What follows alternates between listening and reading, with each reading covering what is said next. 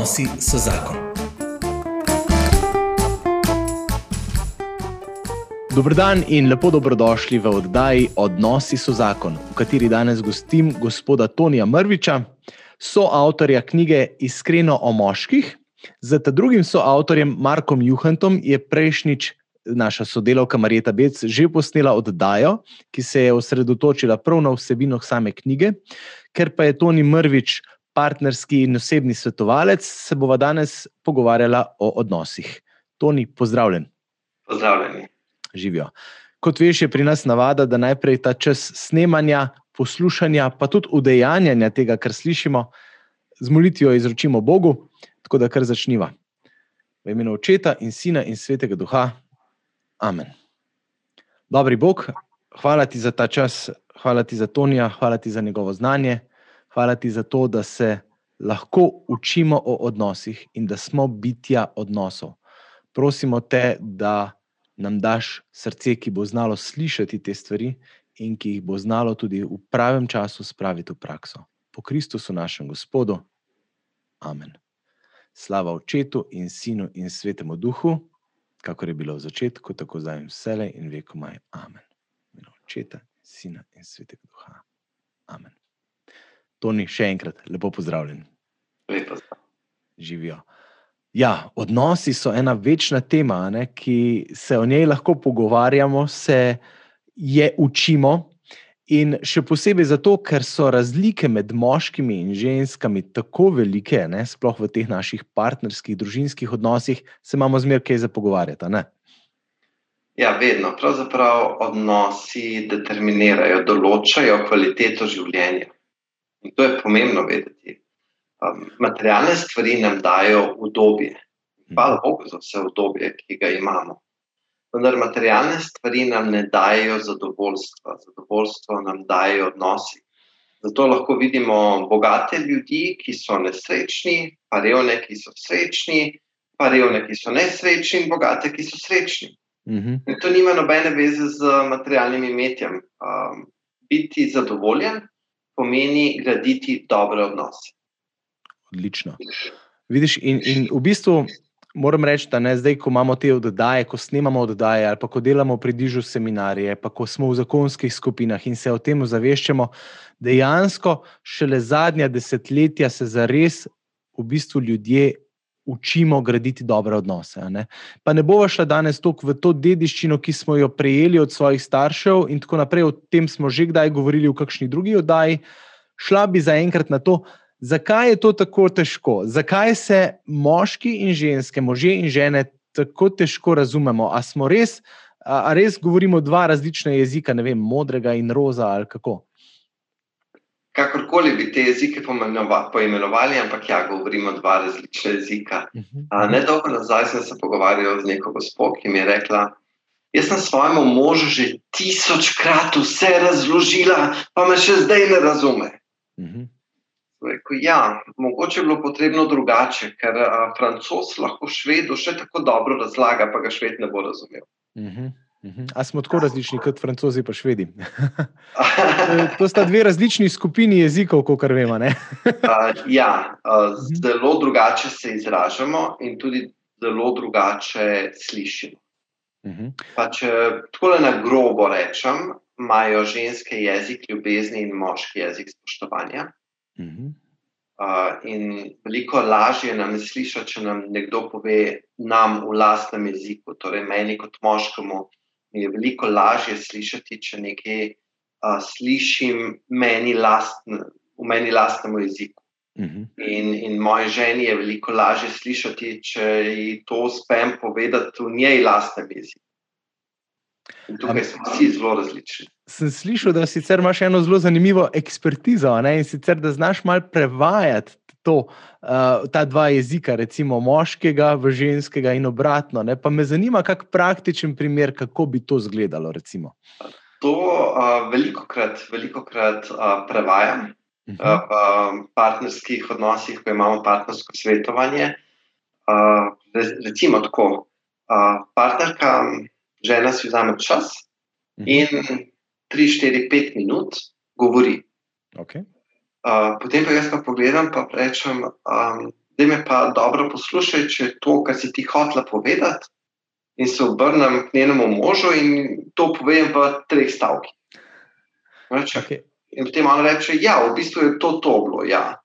Uh, pa reče, ah, ja, no, vse to je po redu. Ja.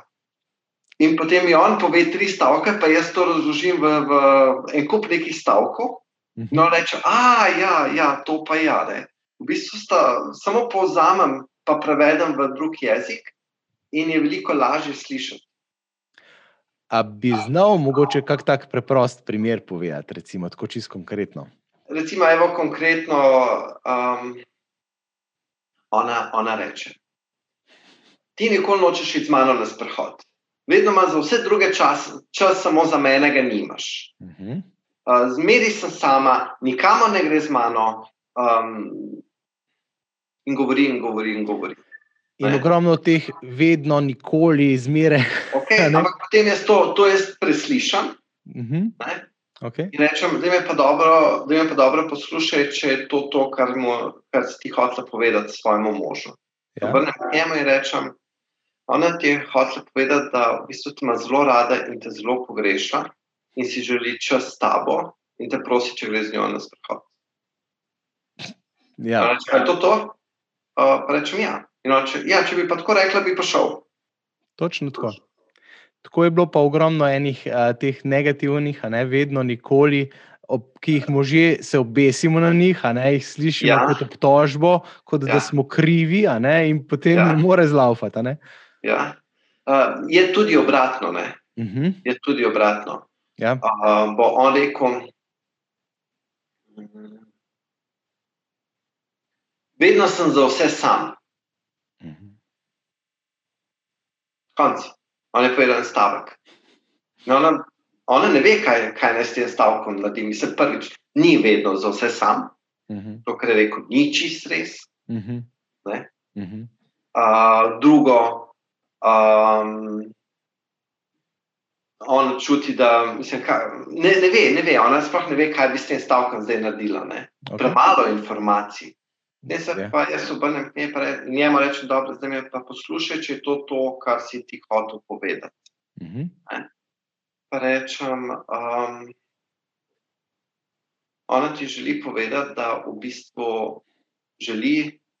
Uh, on ti želi povedati, da želi biti s tabo, in ko delata nekaj, da, del, da on želi se družiti s tabo na tak način, da sta skupaj ustvarjalna, da skupaj delata, um, s tem se želi povezati s tabo, s tem želi pokazati, da te ima rad, s tem želi to dvojino vajno ohranjati, ko vidva delata skupaj.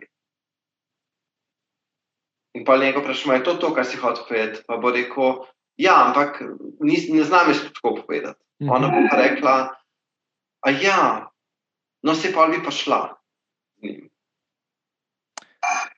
Zanimivo tako drugačen jezik je. Ne? Moški povemo enem ali dveh stavkih, uh, in to je za žensko zelo težko pade na njeno srce, ker ona pove to in to in to in to in to in to in to. In to mhm. Medtem ko moški, ko slišijo vse to, to, to, to, to, to in nekaj informacij, ki tudi niso čisto povezane z glavno nitijo, kar hoče povedati, je za njega to. Preveč, overwhelmed. Ja, ne morem. Ne? On, ja, ja. on razume, da je vsaka informacija enako vredna. Uh mhm. -huh. Medtem ko za njo ni. Ne? Ona bo povedala pomembne informacije, povedala bo manj pomembne informacije, povedala bo še zanimivost. Vse to bo povedala, zdaj pa on se ne znajde tukaj. Pa kako ne deti to izlušči? Ne? Ja, ne? kaj, kaj je zdaj bila tista glavna nit, če pa vse tako z navdušenjem govorila, oziroma tisto zanimivost, ki je bila tukaj v tej zgodbi samo kot zanimivost, uh mhm. -huh. je povedala še bolj z navdušenjem kot uh, to glavno stvar, o kateri ona govori. Um, in tukaj se on zgubi. Okay. Kaj torej narediti? Učiti se, preprosto okay. učiti se. V tej knjigi Iskreno o, o moških uh mhm. -huh. sva res pregovorila o, o moški duši in dala kar nekaj orodij ženskam, kako lažje naj bi poslušale in kako lažje naj bi komunicirale s svojim možem. Uh, ker pa je vedno bilo zadnje vprašanje, pa ne vedno, zelo veliko krat je bilo zadnje vprašanje, da je pa išla knjiga Iskreno o ženskah. Uh -huh, uh -huh. uh, da naredi mečke reklame. Uh, iskreno o ženskah, jaz in Marko ne moramo napisati. Zelo znanih razlogov. Ja, ja. Uh, lahko pa smo se pa lotila, pa vseeno, da napišemo nek uh, priročnik za moške, kako pa s partnericami in hčerami. Okay. Odlično. Uh, ja. Meni zelo prišlo prav. Imam, imam ženo in tri hčere. Bo krajša, pa bolj direktna. A še krajša. Ker že ta je dokaj to the point, ne? v bistvu so zelo taki receptki, varianta. Ne? Ja, to, no, tukaj ne bo toliko receptkov, bo pa tako zelo jasno povedano, tako da moški lažje razumemo. V bistvu je še teže napisati uh, z manj besedami. Ja, ja. Ne, ampak moški to rabimo. Fajn, se zelo veselim te knjige. Mislim, da je zelo potrebna. Na? Obe sta. Zelo Obe sta. To bo kot nek komplet potem. Ne? Ja. Kaj, ženske, ja, kaj, pa, kaj pa moški? Ne? Ja, mhm. seveda, potrebna je neka sredina, oba dva se, je, za oba, oba se morata truditi. Tako prizadevati za skupni odnos, prihajati nekje na sredino, mhm. on čim bolj na njeno stran, ona čim bolj na njegovo stran. Ja. In knjiga Iskreno o moških je v bistvu res samo enostranska, en pogled. In tako je bila tudi mišljena. Kot polovička. Kot polovička, oziroma iskreno, dva moška, iskreno o moških. Uh mhm. -huh. Ker tudi resnici na ljubo o ženskah je že ogromno napisanega. Uh mhm. -huh. ne, o moških pa ni. Ja, predvsem malo. Ja, zdaj pa v tej novi knjigi moški, z moškim besednjakom. Uh -huh um, z moškim besednjakom na moški način govoriva moškim, nagovarjava moške, kako z svojimi ženami in svojimi hčerami. Odlično. Fino, fino. Um, ker sicer ne, ker sicer prihaja do nerazumevanja, kar naprej. Tukaj so težave ogromne. Zdi se mi, da sploh zdaj, le v tem času, veš, ko pravimo epidemija koronavirusa, uh, kar jaz slišim in kar se okrog dogaja, v resnici je tukaj ena velika epidemija ločitev. Ne? In ljudje zaradi tega nerazumevanja, zaradi neizraženih pričakovanj in zaradi desetletij potlačenih stvari, pa verjeten, če gledamo še pretekle rodove stoletja, ne, uh, zdaj mislijo, da je edina rešitev razhod. Uh, kar v resnici nikakor ne, ni rešitev, oziroma izjemoma, izjemoma morda kdaj, ampak večini pa ne. ne. Um, ja, je definitivno večje število, oziroma po epidemiji, bo večje število ločitev. Mhm. Je pa tudi res po drugi strani, in tudi to je potrebno videti, da bo tudi več o, družin bolj urejenih, kot je bilo prej. Uh -huh. uh, tudi to, mislim, epidemija, takšna kot je, in, in karantena, ima uh, tudi pozitivne vplive. Ja, ja. Ker nekateri pari, oziroma kar ne, veliko parov, bojo pa določene stvari zdaj uredili, ki jih prej toliko in toliko let preprosto niso, so jih zatiskali v sebe. Bodo zdaj se morali, družine, družina se bo morala pogovoriti med sabo, se bo morala slišati če želijo obstati. In ogromno parov je, ogromno družin, ki želijo obstati mhm. in, in se bojo potrudili za to. Tako da na eni strani ja, bo več ločitev, po drugi strani bo več kvalitetnih družin. Mar si kaj prečistilo. In zato ja. delamo, no? v bistvu to, to je naše, naše delo, tudi tukaj, ne? osveščanje, ozaveščanje, poučevanje in tako naprej. Um, kako je pri nas, slovencih, če greva malo konkretno, recimo, um, ko so se pripravljali na oddajo, si zelo dobro omenil, na kak način se mi pogovarjamo. Že prej, ko si dal dva primera, ne, je šlo malo v smer tega, ti vedno, ti nikoli. In, tako, in, in v bistvu vedno gremo na osebo, vedno gremo na. Se pravi, ne, ne posvečamo se toliko problemu kot takemu. Kot, neki osebi in rečemo, da, da je to njegova značajska karakteristika, ne, in ga s tem že obtožimo, smo taki obtožujoči. Ne. Kako je s tem pri nas, kaj opažaš v svoji praksi, ko se tuješ parom? Recimo? Slovenski jezik na splošno, pa ne samo slovenski, tudi podobni jeziki slovenskemu, uh -huh. uh, grejo v smer obtoževanja. Ne? Ti -huh. si to naredil, ti si to rekel. Vedno se išče kdo.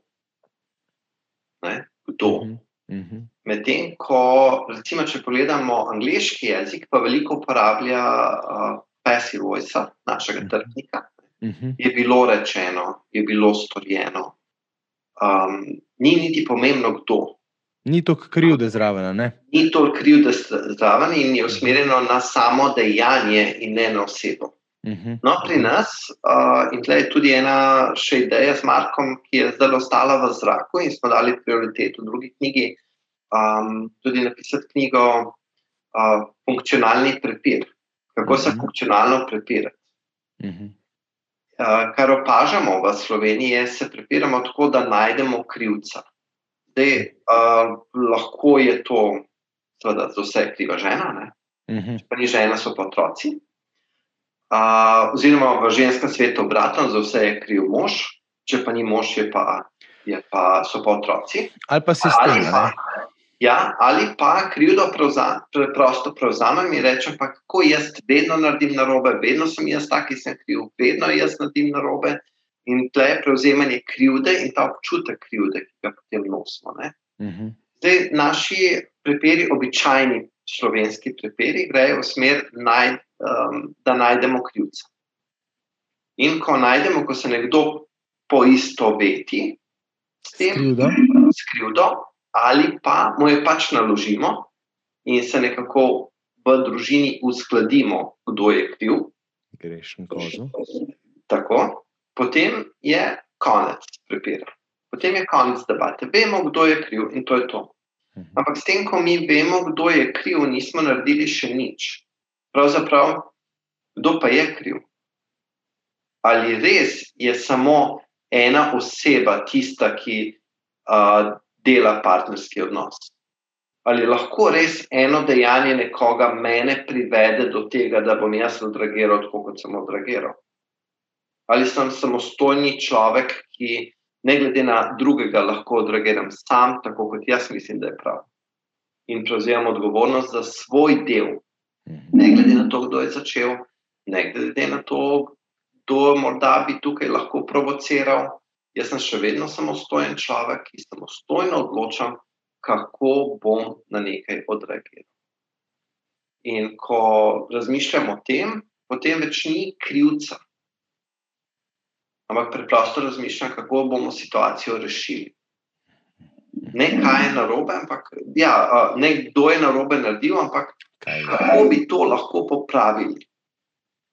Kaj bi lahko naslednjič jaz naredil boljše, da bi bilo drugače. In če oba dva partnerja tako razmišljata, sicer uh, ženska svoje, ženske strani, moški svoje, moške strani, in prav je, da je tukaj moški in ženska, Um, in če oba dva razmišljata v smislu rešitve, bosta rešitev našla, ker je volja, tam je pot. Mhm. Noben zakon ni propadel zato, ker ne bi bilo poti. Zakoni so propadli zato, ker ni bilo volje. Ker je bilo enkrat nekdo je rekel, v tem zakonu je nekdo rekel, jaz ne grem več, jaz več nimam volje. Res je. Um, kako pa operirati potem s to krivdo? Ker dejansko, če tako pogledaš, tega ali da čutimo krivdo, ali pa da krivimo nekoga, je res, res ogromno pri nas. In vedno je nekdo zunanji kriv. Uh, te stvari se zelo ponovadi potlačijo, in potem pride na dan tudi ena velika jeza. Če si jo sploh uspemo priznati, jeza na tistega, ki nas je obdolžil, ali pa jeza na tistega, ki je kriv. Tukaj se mi zdi, da je pol ogromno ene jeze. Mi, kot recimo kristijani ali pa kot krščansko vzgojen narod, vsaj pač pogojno v tej tradiciji, recimo, je pa krivda zelo grda, grda stvar, oziroma celo jeza, jeza, grda, grda stvar, oziroma celo kdaj si slišal, koga pridgati, da je jeza pa greh in se je izhajalo iz tega svetopisanskega citata, da naj sonce ne zaide nad vašo jezo. Ne? Uh, pozabilo se je pa na celoto tega citata. Ne? Jezite se, a nikar ne grešite, sonce naj ne zaide nad vašo jezo. Recimo. Torej, božji zapoved je jezite se. Aha, to je prav zapoved. To je prav zapoved. Jezite se, a ne grešite, okay. a ni tako. Ja, piše tako. Ja. Torej, jezite se, je zapoved. Ampak pozor, ker lahko s tem naredite narobe in lahko z jezo grešite. Uh -huh. Uh -huh. Ja, ko kadarkoli človek išče krivca in prelaga krivdo na nekoga drugega, ali pa jo prevzema na sebe, pomeni, da je v njemu ogromno občutka krivde. Uh -huh. ker, mo ker tega občutka krivde ne more več nositi sam, ga mora preložiti na nekoga. In to se nam potem pri, v našem narodu veliko krat dogaja. Uh -huh. Kar se tiče našega lepo vzgojenega naroda, uh -huh. ne, ki, ki, je se, tiho, ne, ki je tiho, ki se ne jezi. Uh -huh. ne, um, pa poglejmo, da je to le mečken, uh, mečken naše hinavščine. Zato, ker mi se jezimo. Uh -huh. Ampak se, pa, se jezimo pasivno. Ne, spravi, mi gremo iz odnosa. Um, Imamo notranje monologe, ne? Notranje in tudi, in tudi se odmaknemo. Uh -huh. Poglejte, koliko se zgodi v družini, da se oče in mama ne pogovarjata. -huh. To je pasivna jeza. -huh. To je jeza. Koliko se zgodi, da um, preprosto pošljemo otroka stran ker ne zdržimo. To je jeza. Samo drugače usmerjena. Ne? Mhm. Na eni strani imamo ta, a, a ne grešite, ta drugi del, ne? opozorilo. Imamo možnost, da jeza preide v agresijo, in kot pri nekaterih narodih, pride potem celo do vojne, ali pa nekdo nekoga ubije na koncu, ne? ali pa fizična agresija, kakršna koli. Ne? Ali, ali pa verbalna agresija, v končni fazi izmerjenje in tako naprej. Mhm. Zdaj pa, pa ne grešite, pazimo na to. Uh, to je ena skrajnost. Druga skrajnost pa je odhod iz odnosa. In dosti krat um, moški to tako prefinjeno naredijo, da si zapolnijo svoj urnik s časom. Uh, za svoj urnik si zapolnijo z delom, čas si zapolnijo z delom ne, tako nekaj plemenitega ali pa športu. Ne, in kar naenkrat nima več časa za svojo partnerko, ker gre športati, ker ima hobi, ker ima delo. Nihče mu ne more učiti, da dela cele dneve. Mhm. Pa je tukaj en kup jeze, ki jo ne spravi in se o njej ne pogovarja, ampak gre iz odnosa. Ravno tako ženska veliko krat naredi to pasivno jezo, a, moškega poskuša izriniti iz, iz, ali iz očetovstva ali iz um, gospodinskih opravil. Pustimo že sama, ne se v to utikati. Ne znaš prav. Ne znaš prav. Ja. Uh, to je v bistvu ženska pasivna jeza, ki moškega dejansko poskuša izriniti uh, iz, iz, uh, iz tega odnosa. Kar dejansko pomeni, da Slovenci imamo ogromno te zastrte jezi.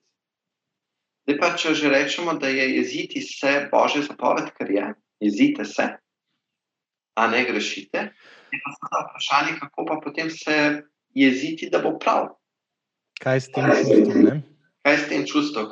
čustvom? Zato, ker jeza je energija. Mi jezo nujno rabimo. Bog je ustvaril čustva in Bog je ustvaril jezo. Jeza ni nekaj slabega. In bolj kot je nekaj um, močnega, in jeza je polna energije, je to močno, ne? Mhm. bolj moramo s tem previdno upravljati. Um, močnejši, ko imamo avto, si predstavljamo, da imamo avto, ne vem, 150 kubični, ne? bolj previdno moramo z njim delati. 150 kubični bi bil zelo šlohcen, to ne obstaja.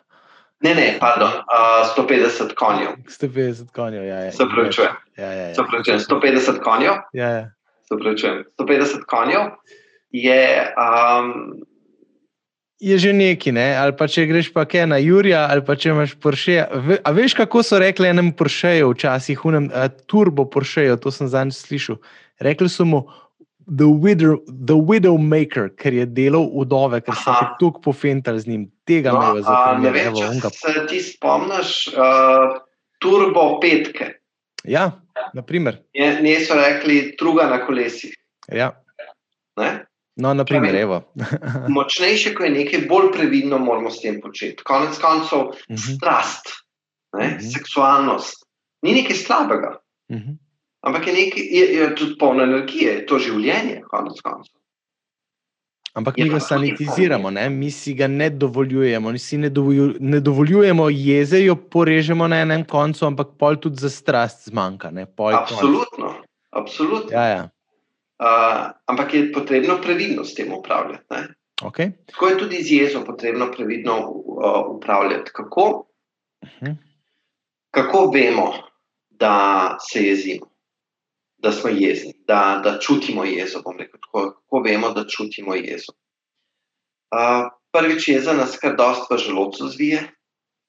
Uh, to je ena stvar, ki nas kar dosta, jedra sicer ne čutimo. No? Tako da bi rekel, da pa vsak zdrav človek počuti jedra, ravno ne. ne. Ko začutimo jedra, je že kar prepozno. Uh mhm. -huh. Ampak želodec pa začutimo. Ampak rečemo pa, da nam gre nekaj na jedra. Ne? Ja, ja, to, to ja. A, samo jedra kar tako ne čutimo. Ne? Ja, jedra ja. je že prepozno, ko jih začnemo čutiti. Medtem ko želodec pa dosti krat začutimo. Um, in misel, da je nekaj ni prav, da je nekaj, pravi, da je nekaj krivično se mhm. dogaja krivica. In ko to začutimo, takrat občutimo jezo. Kaj je takrat najbolj pomembno narediti, da jezo usmerjam? Pravi, da o njej govorim, da o njej povem. Že takoj, ko prevzamem nadzor nad tem, da nekaj ovrednotim in povem, mi je že lažje. Jezen človek, če samo pove, uh, jezen sem. No, to sem pa zdaj res jezen. Ogromno je začutil. Tukaj mora biti v odnosu že precej varnega prostora ustvarjenega, da lahko sploh to za sprot poveš. Ja, ja. Tega se mi zdi, da pri nas ni. No, ampak to je pomembno, da je komunikacija med možem in ženo vsakodnevno. Ja. Vsakodnevno povesta, kaj sta čutila. In še nekaj je tukaj pomembno, da uh, našim občutkom ne damo absolutne resnice. Uh mhm. -huh. Edino, kar je res pri čustvih, je to, da tako čutim. To je res. Čutim se zavrnjenega. Počutil sem se osramočenega. Um, čutim žalost.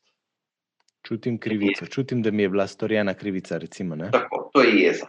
Ne? Če mhm. damo to v, v ime, je to jeza, v ime čustva. Ne mi je bila storjena krivica. Uh, porodil sem je, ali pa Ja, porodil se mi je gnus, začutil sem gnus do tega, do nečesa. Mi, Slovenci, imamo ogromno težav z gnusom in o tem se zelo premalo govori.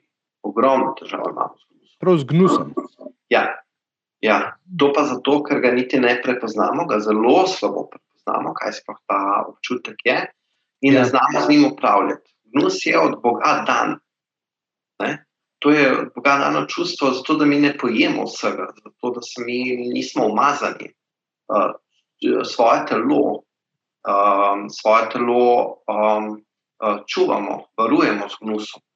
Se pravi, gnus je prav nek fizični aspekt jeze ali pa zavračanja. Ne, uh, mi odreagiramo na gnus, največkrat odreagiramo z jezo, ampak to ni jeza, to je gnus.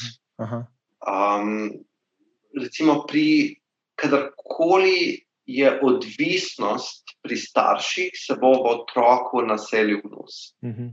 Skoraj vedno. Da se ti cigareti graužajo, da se ti pijača grauža, da se ti to grauža, se reče po domačem. Tako grauža, ja. ja, ja. ja. Ali pa, um, ko delamo osebne, osebna svetovanja ne, in poskušamo preko telesa zaznati, kaj je v človeku, ne, kaj uh mhm. -huh. začuti, pa reče nekdo na bruhanje mi gre. Uh mhm. -huh. To je gnus. Uh -huh. Ker hočemo ven iz sebe dati. In, in um, gnus ni, ni čustvo, s katerim mi lahko upravljamo, ampak se moramo od njega dobesedno omejiti, da dati ven iz sebe.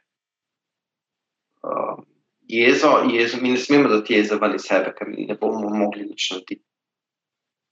Uh, gnus pa do, te, do tiste mere, kjer je, kjer je postal nefunkcionalen, ker ni na pravi način šel v naše telo, kjer smo obstali in, in nekaj čustveno pojedli, zatlačili, ne, je mhm. potrebno preprosto vendar. Zdaj, kar se tiče, pa mogoče samo še, če grem lahko nazaj na jezo, pa ženske. Uh, jeza pa ženske, to, so, um, to je zanimiva kombinacija, ker so bile punce dosti krat vzgajane na način, da se punca pa ja ne sme jeziti. Kakšna punca pa je, če se jezi? Ne? Ona je lahko žalostna, ona lahko joka, uh, njo je lahko strah, se lahko počuti zavrnjeno, uh, jo je lahko sram. Uh, vsa ta čustva, ki so moškim prepovedana, kakšen pa je je sram, kakšen dec pa je to. Vidimo samo to, zdaj samo malo karikiram, ja, da, vidimo, da vidimo te razlike. Uh -huh. uh, Medtem kot moški, ki se jezi, je normalen dec. Ne? Pravi, mi kot moški vsa čustva damo, če hočemo, da čez jezo ven, pa ne moremo, ker se ne dajo, da čez jezo ven. Uh -huh. In zato so nam čustva nevarna, ker sploh ne znamo z njimi upravljati. Medtem ko pri ženski je pa vse dovoljeno, razen jeza. In ko je ona jezna, uh, veliko krat se zgodi, ne vedno, in moram reči, da v zadnjih, zadnje generacije tudi ženske že bolj upravljajo svojo jezo, ali pa saj jo izkažejo, če že ne upravljajo, znajo saj izkažejo. Um, to jezo dosti krat pogotnejo.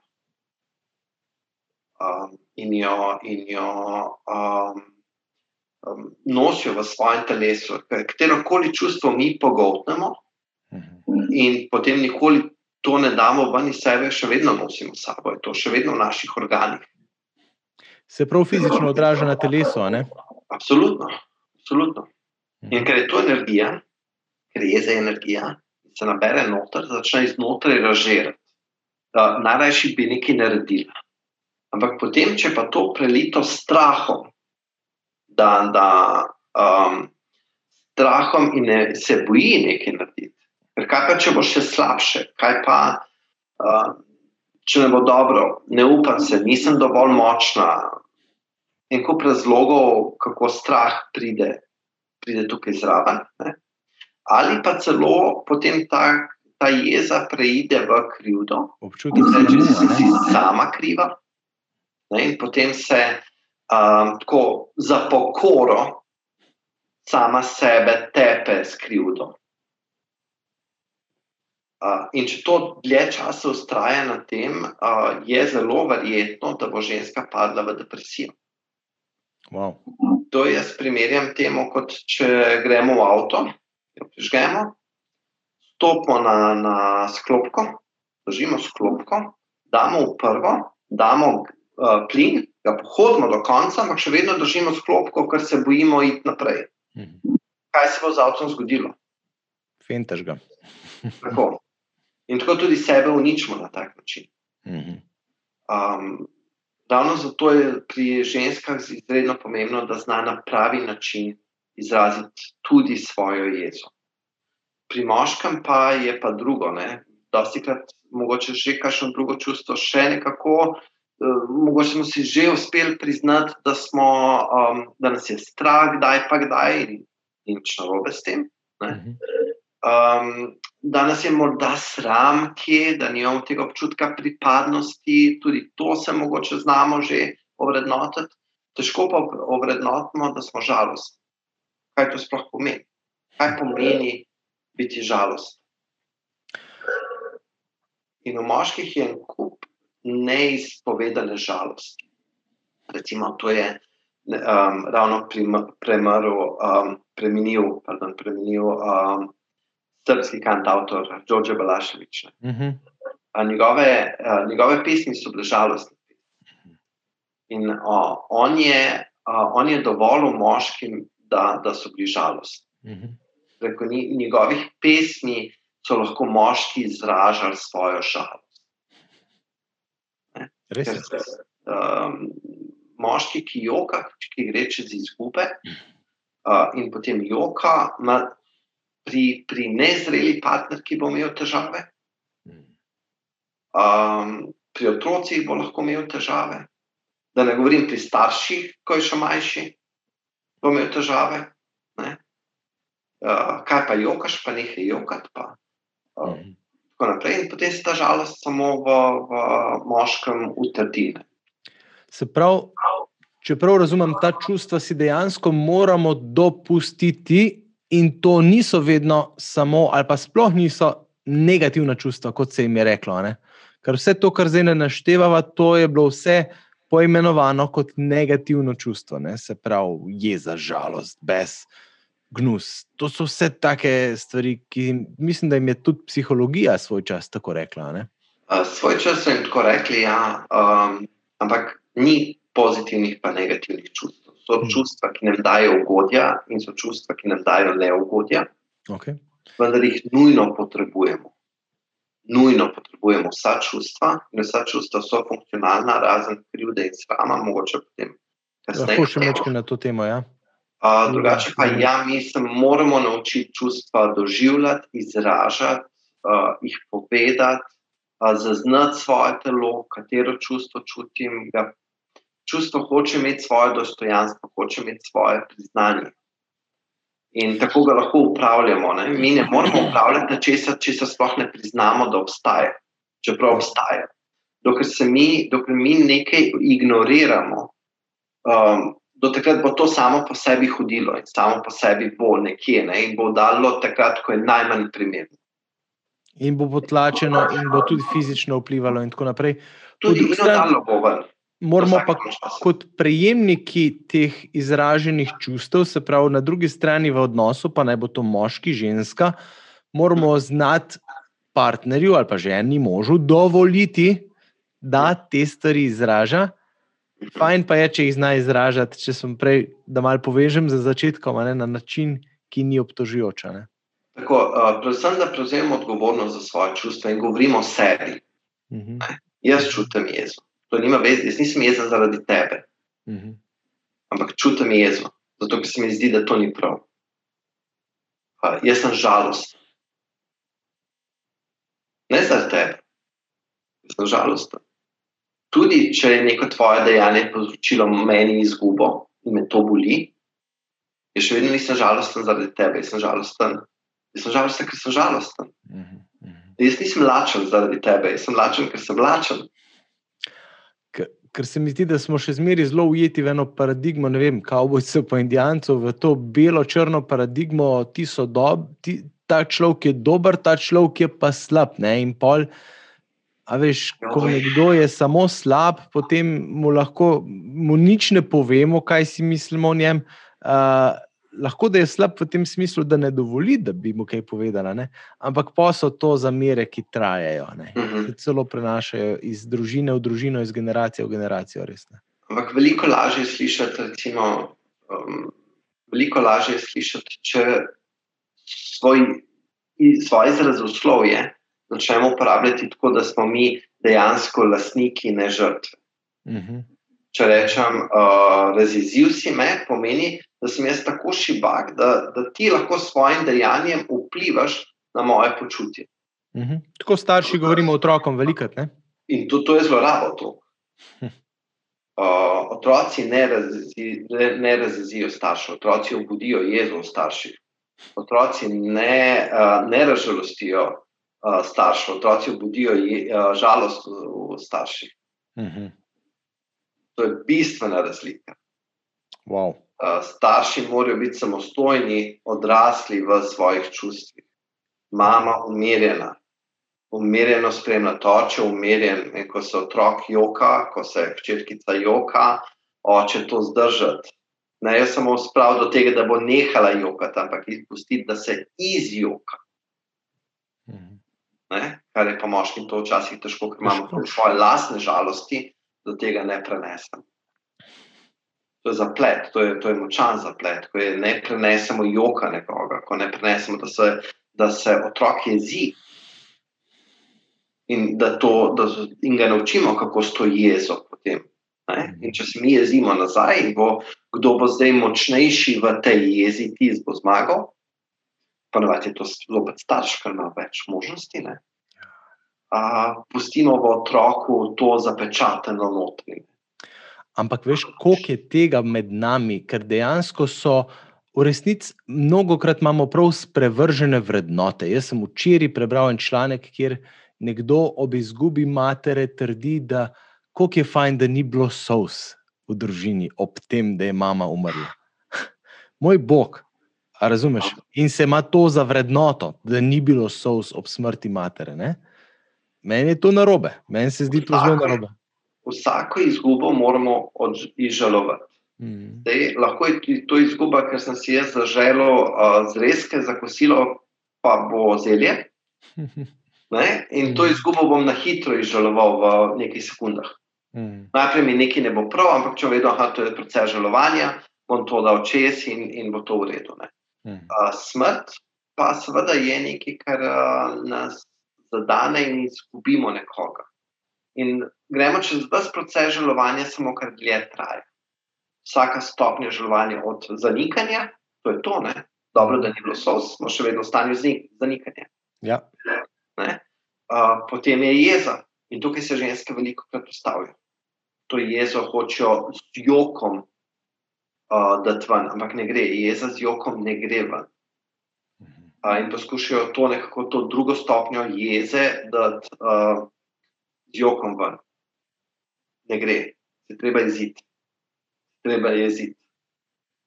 Uh, tretja je, potem imamo uh, to pogajanje.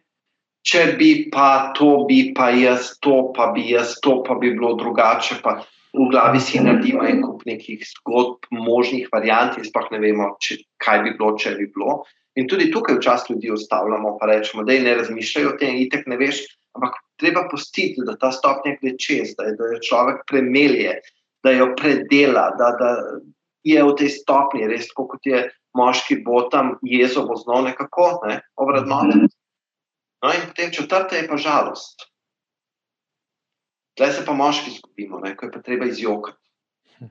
Žalost ne bo šla drugače ven, kot, kot jo preprosto izjokati. In tukaj imamo pa moški, tukaj se pa moški lahko zaustavimo, tukaj v žalovanju ker ne izjokam. Šele na to je sprejemanje in lahko grem naprej za res.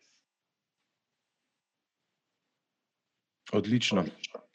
Toni, če probava malo potegniti črto pod tole uh, učno lekcijo o tem, kako ravnati in uravnavati svoje čustva. Um, kaj lahko, recimo, tudi kot kristjana zaključva ven iz tega? Kako naj kot nekdo, ki verujemo v Boga, uh, ta čustva, bi rekel, primerno uravnavam in rečem, da dopustim si jih, ti si mi jih dal. Kako se tega lotiti? Prvo se zavedati, da je čustvo dal Bog in da je to uh, v bistvu bogatstvo našega življenja. Jaz ne bi želel, da bi bil brez čustva. Kaž, kako je bilo, da bi bil brez veselja, brez ljubezni, bi lahko te nismo danes omenjali. Ne, ampak to so čustva. Jaz ne želim živeti brez veselja, ne želim živeti brez ljubezni. Če, si ne dopustiš jeze, sorry, to, če si ne dopustiš jeze, če si ne dopustiš žalosti, krivde ali pa teh stvari občutiti, mislim, krivde verjetno ne, ampak če si jeze, žalosti in teh kao negativnih ne dopustiš občutiti, tudi pozitivnih ne boš si želel začutiti. Ker ne čutim sebe. Ja. Ker ne čutim ja. sebe. Ne? Uh, jaz sem vsej moji barvitosti, ki je včasih prijetna, včasih je pa neprijetna za druge. Uh mhm. -huh. Ampak jaz sem vse to, včasih je neprijetna barvitost, je včasih zelo prijetna za me in se v svoji koži počutim izredno dobro. Uh, drugič pa zopet teka barvitost je celo za me naporna. Um, in ni več za to, mhm. pravzaprav se lahko spoznavam, in tako ima življenje različne stopnje in, in izzive v različnem, v različnem razvoju. Uh, zelo drugače, ko gre otrok od doma, ne more to človek pri 20-ih doživeti in, in razdeliti, kaj bo, ko bo otrok šel od doma. Ni še tam. Um, Tako da, kot prvo je potrebno vedeti, da nam je čustva dal Bog in da je to bogatstvo našega življenja. Da, da celo svet pismo govori ogromno o čustvih. Apostol mhm. Pavel govori ogromno o čustvih, da ne govorimo o psalmih, ne, uh mhm. -huh. ki govorijo ogromno o, o, o čustvih. Po drugi strani nas pa tudi svet pismo uči, kako s temi čustvi ravnati. In je pomembno, da vemo, da. da, da ne damo čustvom takšne vloge, da bi rekli, da to, kar jaz čutim, je absolutna resnica. Mhm. Ne, to ni absolutna resnica. Edino, kar je res pri čustvih, je to, da, da res tako čutim. To je edina resnica v čustvih. Jaz res tako čutim. In je v redu, da si moram dopustiti. Ne? Ja, in si moram dopustiti. In, in, uh, ampak to je tudi vse, kar je res. In to, tega se moram zavedati, da je to, tudi vse, kar je res, je to, da tako čutim. Potem pa pri svetovanju jaz veliko krat pravim, da je si potrebno vzeti trenutek milosti. Trenutek milosti, ko sem lahko jaz z vsemi svojimi čustvi, ko se lahko zjokam, ko lahko um, včasih se zderem, ne na nekoga, ampak si da, včasih preko glasbe, uh, vendati to iz sebe uh, in se pogovoriti o tej, o tej, um, o tej krivični, o, o tem, kar se meni zdi, da je, da je bilo krivično do mene. Mm -hmm. uh, ne, ne z obtožujočim jezikom, pa, pa prenašati krivdo na druge, ampak povedati, kako jaz vidim to neko stvar. Um, predvsem si res pustiti, da, da čutimo, uh, istočasno pa znati upravljati s čustvi, ker naše čustva lahko zelo ranijo in prizadenejo čustva nekoga drugega.